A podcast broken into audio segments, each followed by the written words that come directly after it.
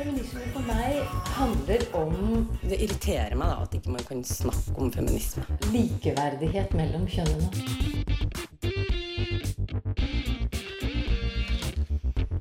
Det blikket på kvinnen på film. Det handlet om å bli tatt på alvor som jente. Du hører på Kvinnesaken på Radio Nova. Hva gjør retusjert reklame med kroppsideal og selvbilde, og hvorfor bør retusjert reklame merkes? Stemmer det at sex selger? Og reklameplakater underbygger gjerne et klart skille mellom hva som er mann og hva som er kvinne. Men hva er egentlig kjønn? Er det noe vi er, blir eller gjør?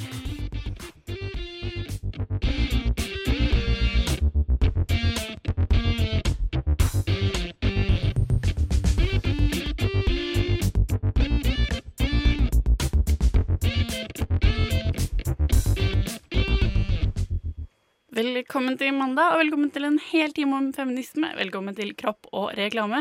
Velkommen til Kvinnesaken. Du hører oss mest sannsynlig enten på Radio Nova nå, sånn type ett minutt over ti, eller på podkast etterpå. Det er koselig uansett. Og her i studio så hører du meg, Eline Hystad, pluss at jeg har fått med meg studiojomfru Lisa Aasbø i dag. Jippi! Det er veldig gøy. Velkommen. Tusen takk for det. Har du det bra?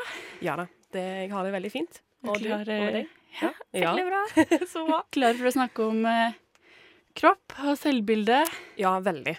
Veldig. Det er et veldig interessant tema. Her er Ja. det mye, og, mye å ta av og mye å diskutere og snakke om.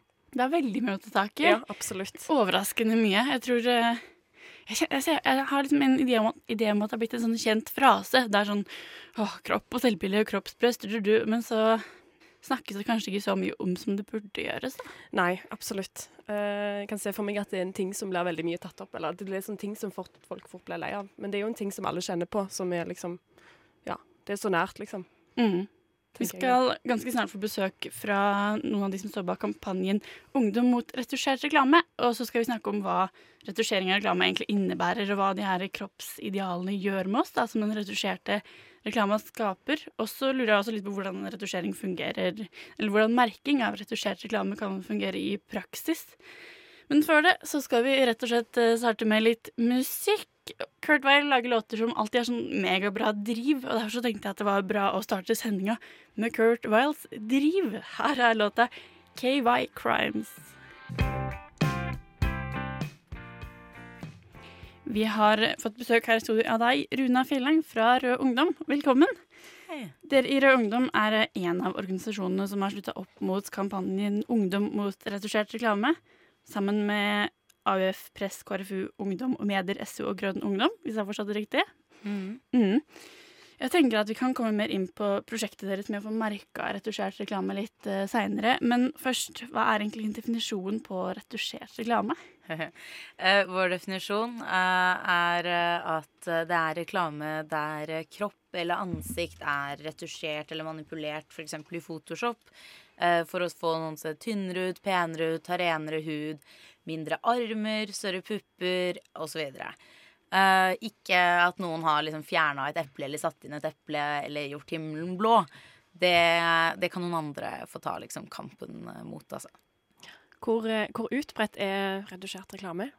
nesten all reklame eh, av, fra eh, ja, mote- og skjønnhetsbransjen, eller mote- og sminkebransjen, eh, er retusjert. Det er veldig, veldig lite som ikke er retusjert, og det lille som ikke er retusjert, eh, det er det ofte liksom stor ståhei rundt at dette er ikke retusjert. Endelig, liksom. Mm.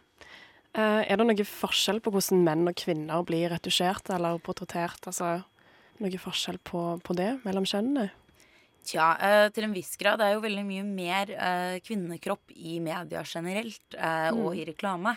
Men man ser også at liksom, mannskroppen blir, blir retusjert til liksom, det typiske idealet, da. Eh, som for menn er liksom sixpack. Eh, I den grad liksom, du har nakne menn i reklame. Men du har ganske mye færre nakne menn i reklame. Da. Du har liksom kanskje to-tre sånne brun og blid eller eh, boksereklamer i året. Som det da blir ganske mye oppmerksomhet rundt. Men eh, ja, det blir jo retusjert på mye den samme måten. Renere hud, eh, mer muskuløs kropp, tynnere osv. Men hva, hva er det perfekte? Har du noen tanker om hvorfor, hvorfor det er idealet? Hva er Ja. det som gjør det, liksom? Uh, det er jo fordi noen tjener på det. Eh, det er jo ikke fordi noen tenkte liksom dette er lol. Uh, det, er fordi, det er fordi det finnes en stor bransje da, som tjener veldig mye penger på at ungdom, spesielt ungdom, og spesielt jenter, har veldig dårlig selvtillit. Man ser at det også har blitt verre i Norge. Mens veldig veldig mye sånn likestillingsmessig, kvinnekampmessig har liksom gått veldig mye bedre. Så ser man at skjønnhetspresset har blitt større, da. Eh, og når vi tenker da eh, at vi, vi ikke er fornøyd med oss selv, eh, og ser de reklamene, så er det ikke nødvendigvis sånn at vi tenker akkurat der og der jeg blir dritlykkelig hvis jeg kjøper den nye foundation. Men det er til sammen et press da, som gjør at eh, vi kjøper en masse ting, for vi tror vi kommer til å føle oss bedre da. Eh, og det kan jo de fleste som har liksom kjent på denne følelsen, avsløre at man ikke blir. Eh, man blir ikke mer fornøyd bare man kjøper et nytt produkt. Men noen tjener seg søkkrike da, eh, på vår dårlige selvtillit. Så det er sånn at man skaper et behov, og så gir midler for å nå Mm. behovet, liksom. Absolutt. Mm. Hva, hva er konsekvensene av retusjering av Mm. reklame? Konsekvensene av retusjering og skjønnhetsprester generelt eh, er bl.a. dårlig selvtillit. Eh, mange sliter med dårlig selvtillit. Det er et enormt kroppspress. Og generelt det å være tenåring nå da innebærer jo et, et stort press. da. Eh, det er et press på å være god på skolen, du skal ha foreldre som er fornøyde med deg, du skal være god i fritidsinteressene dine, idrett. Du skal i tillegg liksom ha sommerkroppen 2016. Eh, og det, det er konsekvensene er jo at eh, spesielt jenter, for man ser at det er jenter som sliter aller mest med det fortsatt, selv om også flere gutter sliter med det, lar det ta en altfor stor del av livet sitt. da. Eh, jeg mener jo at det er no, en av de viktigste grunnene til at man må jobbe mot skjønnhetspresset, er at jenter bruker tid på å trene, da. eh, eller på å sminke seg, i stedet eh, for å mene noe, for eksempel. Da. Og jeg er verken mot trening eller sminke, men når det kommer foran, foran det å uttrykke hva man mener, foran det å drive med kunstkultur, ikke sant? alle de tingene som vi vil at jenter skal drive med, da, så er det veldig trist. Og så ser man at den verste konsekvensen det er at eh, spiseforstyrrelser er den tredje største dødsårsaken eh, blant Eller anoreksi er den tredje største dødsårsaken blant unge kvinner i Europa. Eh, og det er den ekstreme konsekvensen da, at dette skjønnhetspresset, sammen med en masse andre psykologiske faktorer, er med på å sørge for at folk utvikler spiseforstyrrelser eller spiseproblematikk.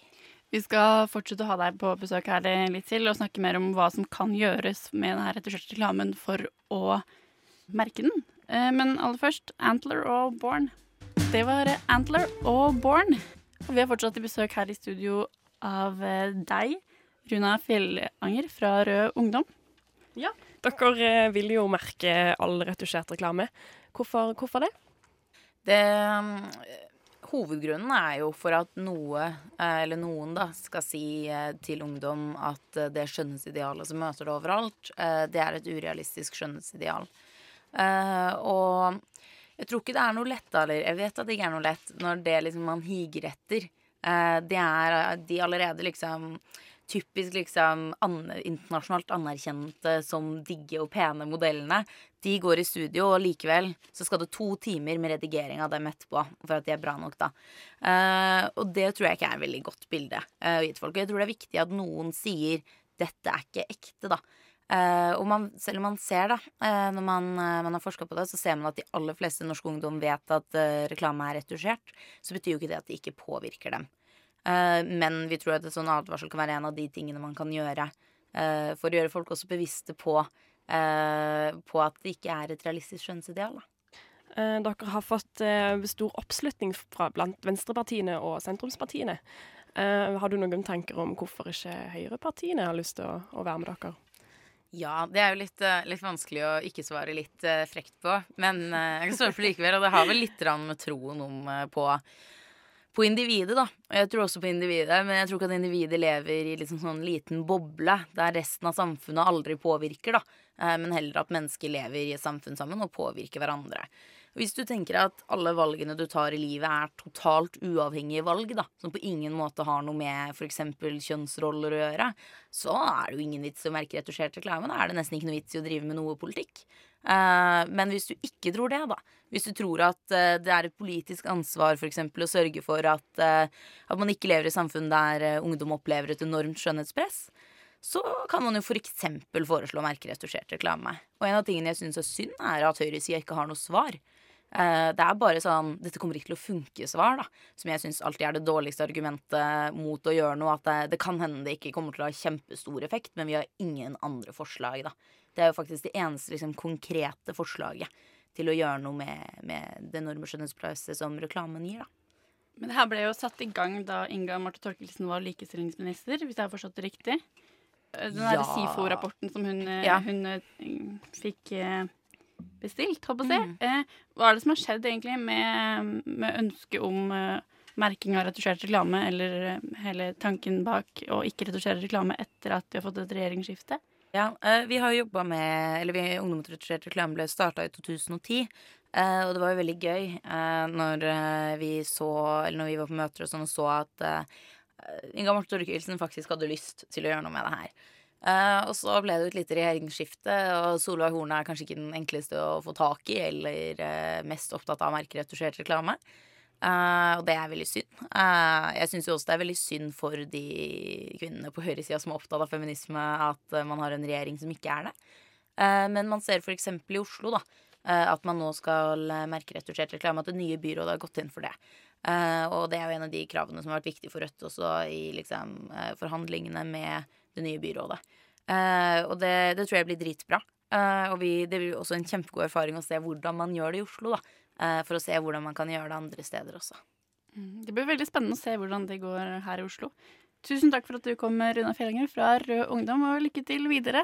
Det som du hører tonene til her i bakgrunnen, er Emil the Duke. Og det er kinolyder. Han er 'Going to the Movie'.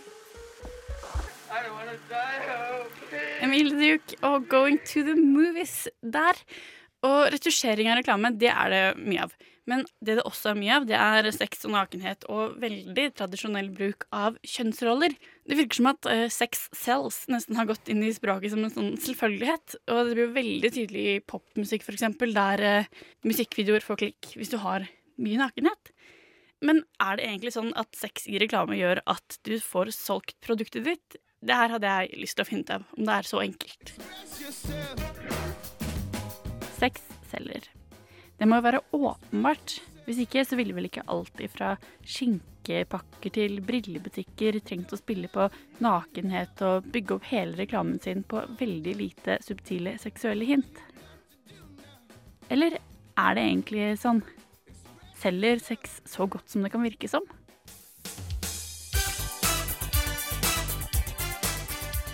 Ok, litt historie.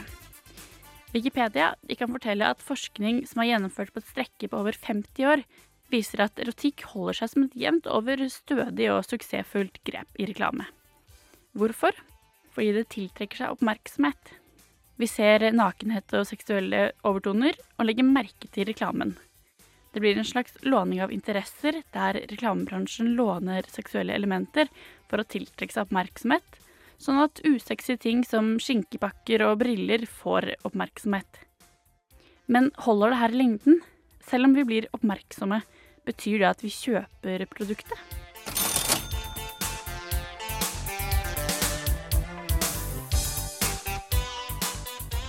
I juli 2015 så publiserte The Guardian en artikkel om et ganske så nytt forskningsprosjekt som viser at sex faktisk ikke selger i så stor grad som reklamebransjen kan få oss til å tro at de gjør.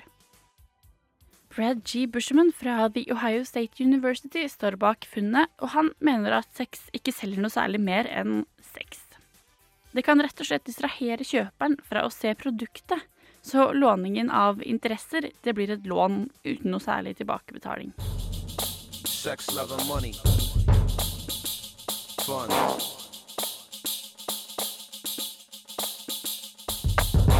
Express yourself.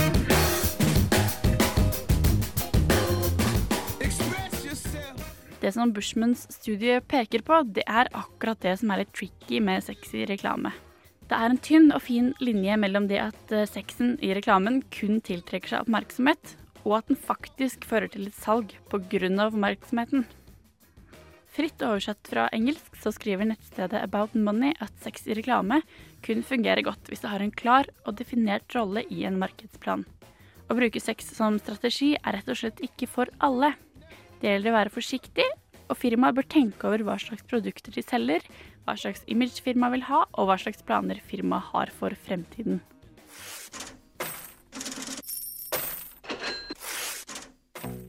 Her det vil altså si at hvis firmaet ditt heter Axe eller Victoria's Secret, og du selger undertøy eller body spray, så kan det faktisk lønne seg å spille på sex.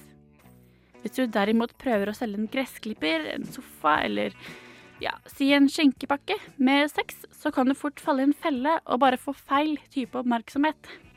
I sistnevnte tilfelle så selger du bare sex, og ikke spesielt mye annet. Kanskje kan konklusjonen derfor være at sex selger?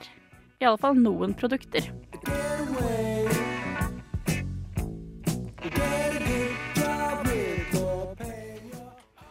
Det er jo så sinnssykt mye ekstremt rar reklame innenfor det her eh, feltet.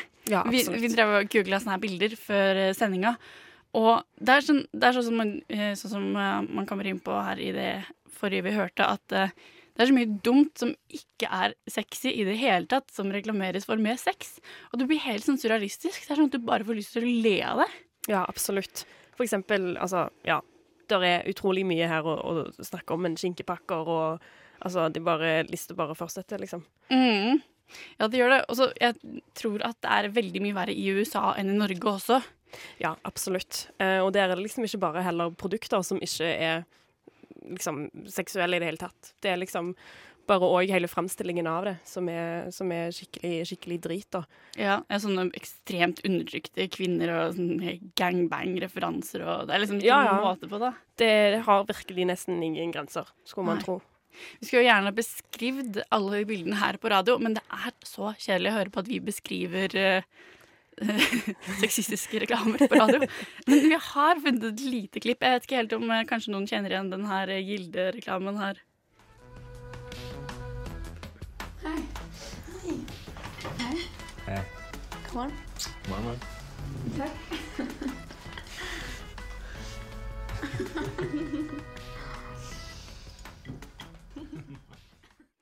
Det som skjer i den reklamen her, da, er at det er en gutt som sitter og spiser skinke på skiva eller servelat på skiva si.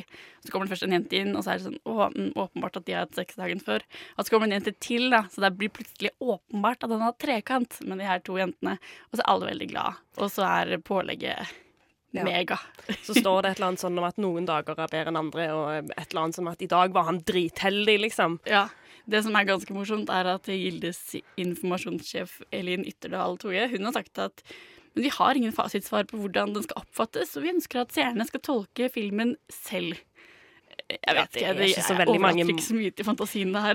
Det er ikke så veldig mange måter å tolke den på, sånn som jeg ser det i alle fall. Det virker som om liksom noen har hørt én gang at sex selger, og så etter det så bare melker du det for alt det har vært, at alle bare Ja, Men det er Ja. ganske fascinerende, for det her er ikke noe nytt fenomen i det hele tatt. Jeg fant ut at det tidligste fenomenet av eh, sex i reklame, da, det er faktisk The Pearl Tobacco Brand fra 1871.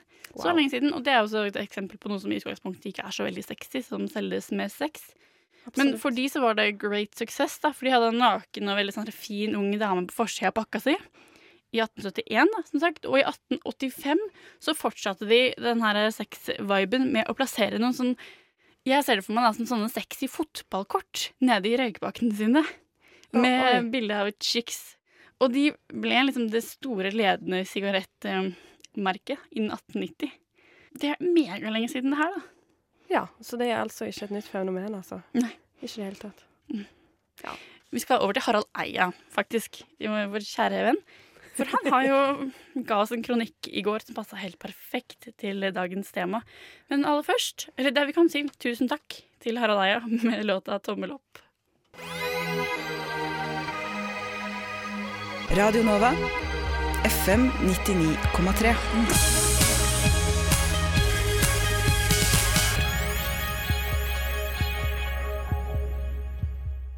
Da vi satt og forberedte denne sendinga på lørdag, så kom det en liten gavepakke med tanke på dagens tema. Fordi på NRK Ytring så publiserte Harald Eia Eller han er ute da igjen og provoserer og kronikker og Så godt han bare kan. Eh, Men her, den, den gangen her så er det med en kronikk med overskrifta 'Kroppspress?' spørsmålstegn. Jeg klikker utropstegn. Og han sier da at han vil ikke snakke om kvinner den gangen her, men bare menn. Og at eh, ved å si en eneste feil ting er livredd for å utløse et skred av spiseforstyrrelser hos kvinner. Ja. Så det egentlig han sier, er at, eh, at det som vi kaller for kroppspress i dag, ikke er et press, men at det egentlig er et ideal, og at det er sunt å ha et ideal. Ja. Han trekker linjer til eh, antikken og kroppsidealet der. Eh, med den her eh, kjempen med diskos. Og mener at et sånt ideal er sunt. Ja, For det var Men- ingen som gikk rundt og klagde om, at, Mm, om det idealet da. Det vet du jo ikke, da. Men, Nei. men, ja. Det er sant. men det er det han ja, er Ja. sier. Eh, Og, og så mener han jo at eh, Eller jeg forstår det som at han mener at kroppspress egentlig er litt sånn mediekonstruert. Mm. Og det kan nok være mye av det som er mediekonstruert, men han mener at størstedelen av det, er det. Ja. Og så, Han vil jo ikke snakke om eh, kvinner, men han vil snakke om menn. Og han uh, har eh, blant annet et litt sånn uh, rart slauspark til organisasjonen Reform, som er et sånn ressurssenter for menn, som har hatt et debattmøte om, den, om hvordan den perfekte kroppen får et konsekvenser da, for menn Mm. og mener at eh, det her bare bygger opp under en sånn kroppspress-tankegang. Men altså, jeg vet ikke helt. Det han konkluderer med, er jo da, som vi snakka om, at eh, vi trenger å komme tilbake til idealer. Og der alle leser bøker, lærer et håndverk, lærer å danse, betaler din skatt, hold deg frisk, hold deg slank og i form, sier han at det skal være et ideal. Og at vi skal på den måten kan komme unna det her presset. Men jeg veit ikke om det er så enkelt, ass. Nei, eh, altså hele altså Problemet her er jo at det er blitt gjort om til en business. Det er ikke lenger et ideal. Det er noe folk tjener penger på, liksom. Ja, folk- ja. Ja, og da er det jo Jeg tenker at det er ikke ting som man kan skille mellom. Det er liksom De henger sammen. Ja, jeg Sant. tror ikke vi bare kan si at eh, nå, nå er denne perfekte kroppen et ideal. Det er ikke noe pressure her, bare chill, liksom. Nei, ikke sant? Eh, og så tror jeg kanskje også at Harald Eia glemmer en del viktige ting. Jeg tror at han som en sånn derre hvit mann Jeg vet ikke hvor gammel han er, 40-50 ish? Ja. Kanskje ikke helt husker hvordan det er å være 14 og se alle de her reklameplakatene. Ja, ikke sant. Og så er han jo gjerne altså de som, Det er jo forskjell på de som vokser opp nå, og når han var ung. Mhm. Og megareksi, som er sånn kroppsspiseforstyrrelse for menn, det har jo bare liksom eksplodert i det siste. Tall fra 2005 viser at det er sånn 6,5% av menn som viser tegn til det. Og jeg tror ikke at det har gått ned i det siste. Og anoreksi og bulimi også for kvinner. Kroppspress er faktisk et reelt problem, altså. Ja, Og jeg tror ikke bare kan gå over til å kalle kroppsideal. Nei, og bare for, jeg tenker også gjerne fordi, bare fordi han ikke kjenner på det sjøl, så betyr ikke det at det ikke er et problem. Liksom. Nei. Nå er vi bare en av de der menneskene som Eller jeg så i sånn kommentarfeltet var det noen som sa at det kommer sikkert mange sure feminister og klager på Harald Eia sin kronikk. ja, Harald Eia Ja. sure feminister som klager på kronikken din. Vi skal snakke litt mer om eh, denne kronikken, men eh, aller først Olga Bell og Pounder 2. Olga Bell og Pounder 2 der. Vi har snakka litt om den Harald Eia-kronikken som kom på lørdag formiddag. Og det virker som han prøver å dra en litt sånn her historisk linje fra antikken til vår tid på en litt sånn Nietzsche- eller Schopenhauer-aktig måte. Mulig Eia er gira på å identifisere seg selv med de. Men historisk sett, da, når vi snakker om kroppsidealer, så er det veldig fascinerende hvor mye de har endra seg. Absolutt. Eh, for man tenker, altså Idealet har liksom ikke alltid vært å være veltrent kropp og sunn. og sånn som det. For eksempel Kvinnens ideal på 90-tallet var, jo var jo å være sykelig tynn. Mm. Man kan ikke kalle det å være sunn og veltrent og, og, og sånn som det her. Så det forandrer seg jo hele tida. Ja, jeg fant ut at på 1900-tallet så slutta de med korsettene som de hadde på 1800-tallet. Og da skulle kvinner være sånn gutteaktig og ha veldig sånn smale hofter og små bryster. Mens allerede på 1920-tallet så slutta de med det her, og da ble timeglassfiguren på nytt et ideal. Mm. Så da, bare liksom på 20 år så endrer det seg så mye. Og så etter første verdenskrig eh, så blir den her atletiske sportskroppen igjen inn. Og så på 50-tallet så kommer Marilyn Monroe, og da er det liksom greit å være størrelse 40 igjen. Mm. Eh, formfull kropp. Og så på 60-tallet kommer Twiggy. Mm. Da skal man være megatynn. Og så på 80-tallet så kommer vi litt tilbake til den her eh, veldreide kvinnekroppen som er litt sånn atletisk og utstråler mye sunnhet, da. Mm. Som kanskje med, ja, med unntak fra 90-tallet, mm, som var sånn megausunn tynn, er liksom fortsatt, da. Det her med den trente, litt sånn sunne kvinnekroppen. Mm. Så nå er det jo gått i over igjen gjerne til litt mer veldig mye former. Mm. For eksempel eh, rumper har jo blitt en megatrend. Det er jo det som er liksom Ja, ikke Ja. sant? Eh, og Beyoncé har jo, er jo gjerne typisk for altså, idealet i 2015. Ja. Ser man gjerne tendenser til, da. Men det var litt fascinerende, for jeg fant ikke så mye om det, men jeg har inntrykk av at uh, mannsidealet har vært mye mer stabilt. Ja. Jeg tror ikke at det er, har så mye spenn som kvinns, kvinneidealet. Nei. At det, liksom, det er litt mer trendbasert, at det går i bølger, og at det rett og slett er på moten. Mm. Mm. Mm. Det er veldig interessant, det her, altså. Ja, absolutt. Vi skal høre litt mer musikk og fortsette å snakke om kjønnsideal og så videre. Her er Palmface, 'Until We Meet Again'. Palmface med 'Until We Meet Again' der. Og vi snakker jo litt om sånn reklame og selvbilder og kjønnsidealer i dag. Og det kommer jo veldig tydelig frem når man ser gjennom alle de her kanskje aller mest amerikanske reklamene, Mm. at det er veldig sånn der kjønna, kjønna idealer. At eh, mannen skal være veldig mann, og kvinnen skal være veldig kvinne. Mm. Ekstremt eh, feminint og maskulint. Store muskler og ja, fine bein og høyhælte sko og Mm. veldig typisk. Ja. Mm. Og vi, vi så jo no, en, ganske mange reklamer som liksom, av en eller annen grunn så er kvinnen langt nede i bildet. Ja, Vet det ikke om det kan være en greie, men eh, kanskje. typisk at hun ligger og han står, eller at han er i alle fall plassert høyere enn hun. Ja. Ofte sånn. Ja. Eh, Linda Therese Rosenberg hun har fordypa seg i akkurat det her denne uka. Altså, Er kjønn noe vi er, noe vi blir, eller kanskje til og med noe vi gjør?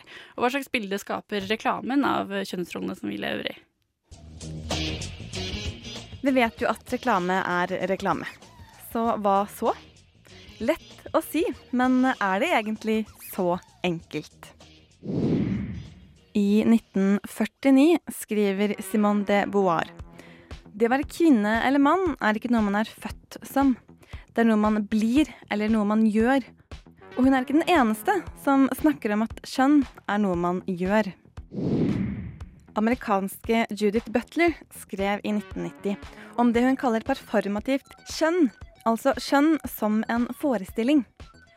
Butler forstår kjønn og seksualitet som en iscenesettelse hvor kroppsspråket spiller en avgjørende rolle.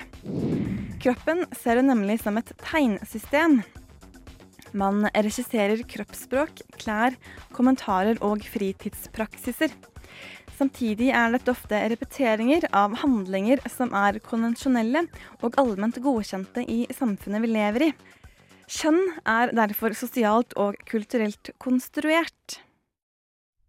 Den norske feministen og litteraturviteren Toril Moi har skrevet om kroppen som en situasjon. På den ene siden så har vi en eksistensiell frihet til å gjøre det vi selv vil med vår egen kropp. Samtidig så lever vi i en historisk situasjon, og denne begrenser og setter rammer for hva som er mulig for oss å gjøre. Vi forholder oss til et sett av konvensjoner, samtidig som vi bruker omgivelsene vi lever i til å forstå og fortolke kjønn og kjønnsroller. På tide å oppsummere. Konvensjoner i samfunnet vi lever i, begrenser og setter rammer for hva man kan gjøre. Samtidig bruker vi disse konvensjonene for å forstå og fortolke kjønn og roller. Hvordan man definerer kvinner og menn, er derfor kulturelle konstruksjoner. Man iscenesetter seg selv med utgangspunkt i hva som er allmenne konvensjoner. Så kommer spørsmålet. Hvor kommer disse konvensjonene fra? Den franske kulturteoretikeren Jean Baudrillard skriver om medienes innflytelse. Han mener vi i mindre grad evner å se virkeligheten, og at vi først og fremst ser det mediene representerer for oss. Film og andre bildemedier simulerer det virkelige, og oppleves derfor som det egentlig reelle. Bildemediene modellerer visse idealer som erstatter det originale, og blir derfor virkelighet. Når bildemediene produserer og repeterer idealer for hvordan virkeligheten bør være, reproduserer de også stereotypier. Innenfor kulturteorien er det særlig queer-teoretikere som har diskutert det som kalles heteronormativitet. Det heteronormative handler om de rådende forestillingene om heteroseksualitet. Men det er også i videre forstand en forestilling om hvordan kvinner og menn bør opptre. Annet knyttet til forestillinger om feminine og maskuline normer. Den rådende forestillingen om kvinner og menn innebærer at kvinnen skal være feminin i uttrykk og oppførsel, mens mannen på sin side skal uttrykke seg maskulint. Så når det er forventet at kvinnen skal være feminin og mannen maskulin, bildemedier som reklame produserer og repeterer stereotypier som forsøker å fortelle oss hvordan vi bør være, er da egentlig reklame så enkelt og bortforklarlig som man kanskje har litt lyst til å tenke seg at det er. Det var Linda Therese Rosenberg om hvordan kjønn er noe vi er, blir eller gjør. Her får du Foxtrot med Beyond, Beyond Our Means.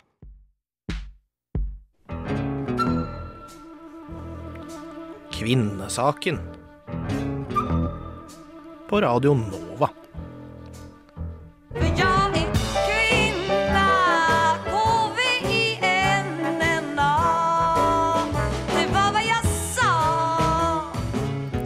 Vi har kommet helt på slutten av dagens sending nå, dessverre. En time går megafort. Men jeg har bare lyst til å komme med et bitte lite tips helt til slutt. Eh, sjekk ut Press eller Redd Barn og Ungdom, som deler ut en gullbarbie til den mest, eh, den mest teite sexreklamen. Eh, og reklamerer også, i tilsvarende i Sverige. De er veldig funny å følge på Instagram, eksempel. Så får du se masse av de her surrealistiske reklamene. Mm. Jeg tror, eh, jeg tror Gullbarbiene sånn begynner å bli nominert eh, i januar. Mm. Så da går det an å være med og stemme litt. Det hadde jo vært litt kjekt. Mm. Vi er jo selvfølgelig tilbake til på Radio Nova til samme tid neste uke. Og så kan du også høre gamle episoder hvis du ikke har fått med deg alt på enten Soundcloud, iTunes eller radionova.no slash kvinnesaken. Lik oss gjerne på Facebook også, og kom med forslag hvis det er noe du syns at vi skal prate om. Det setter vi veldig pris på. Det, blir er alltid veldig kjekt. Det er vi veldig glad for. Mm. Føler vi at vi ikke er så alene i dette her. Tekniker i dag det har vært Petter Pettersen, og i studio har du hørt Eline Hushaug og Lisa Aasbø, pluss at Linda Therese Rosenberg også har bidratt. Ha en megafin første desemberuke, og hør gjerne på A-lista som kommer etter oss. Der er det musikkredaktør Malin som gir deg en superfersk eh, A-liste for de kommende to ukene her på Nova. Ja, Helt til slutt her i Kvinnesaken så får du superbandet Band of Gold med singelen eh, som heter But in the Movies Baby, som jeg mener at er den absolutt beste låta på den selvtitulerte debutplata med navnet Band of Gold. Ha det bra. Ha det!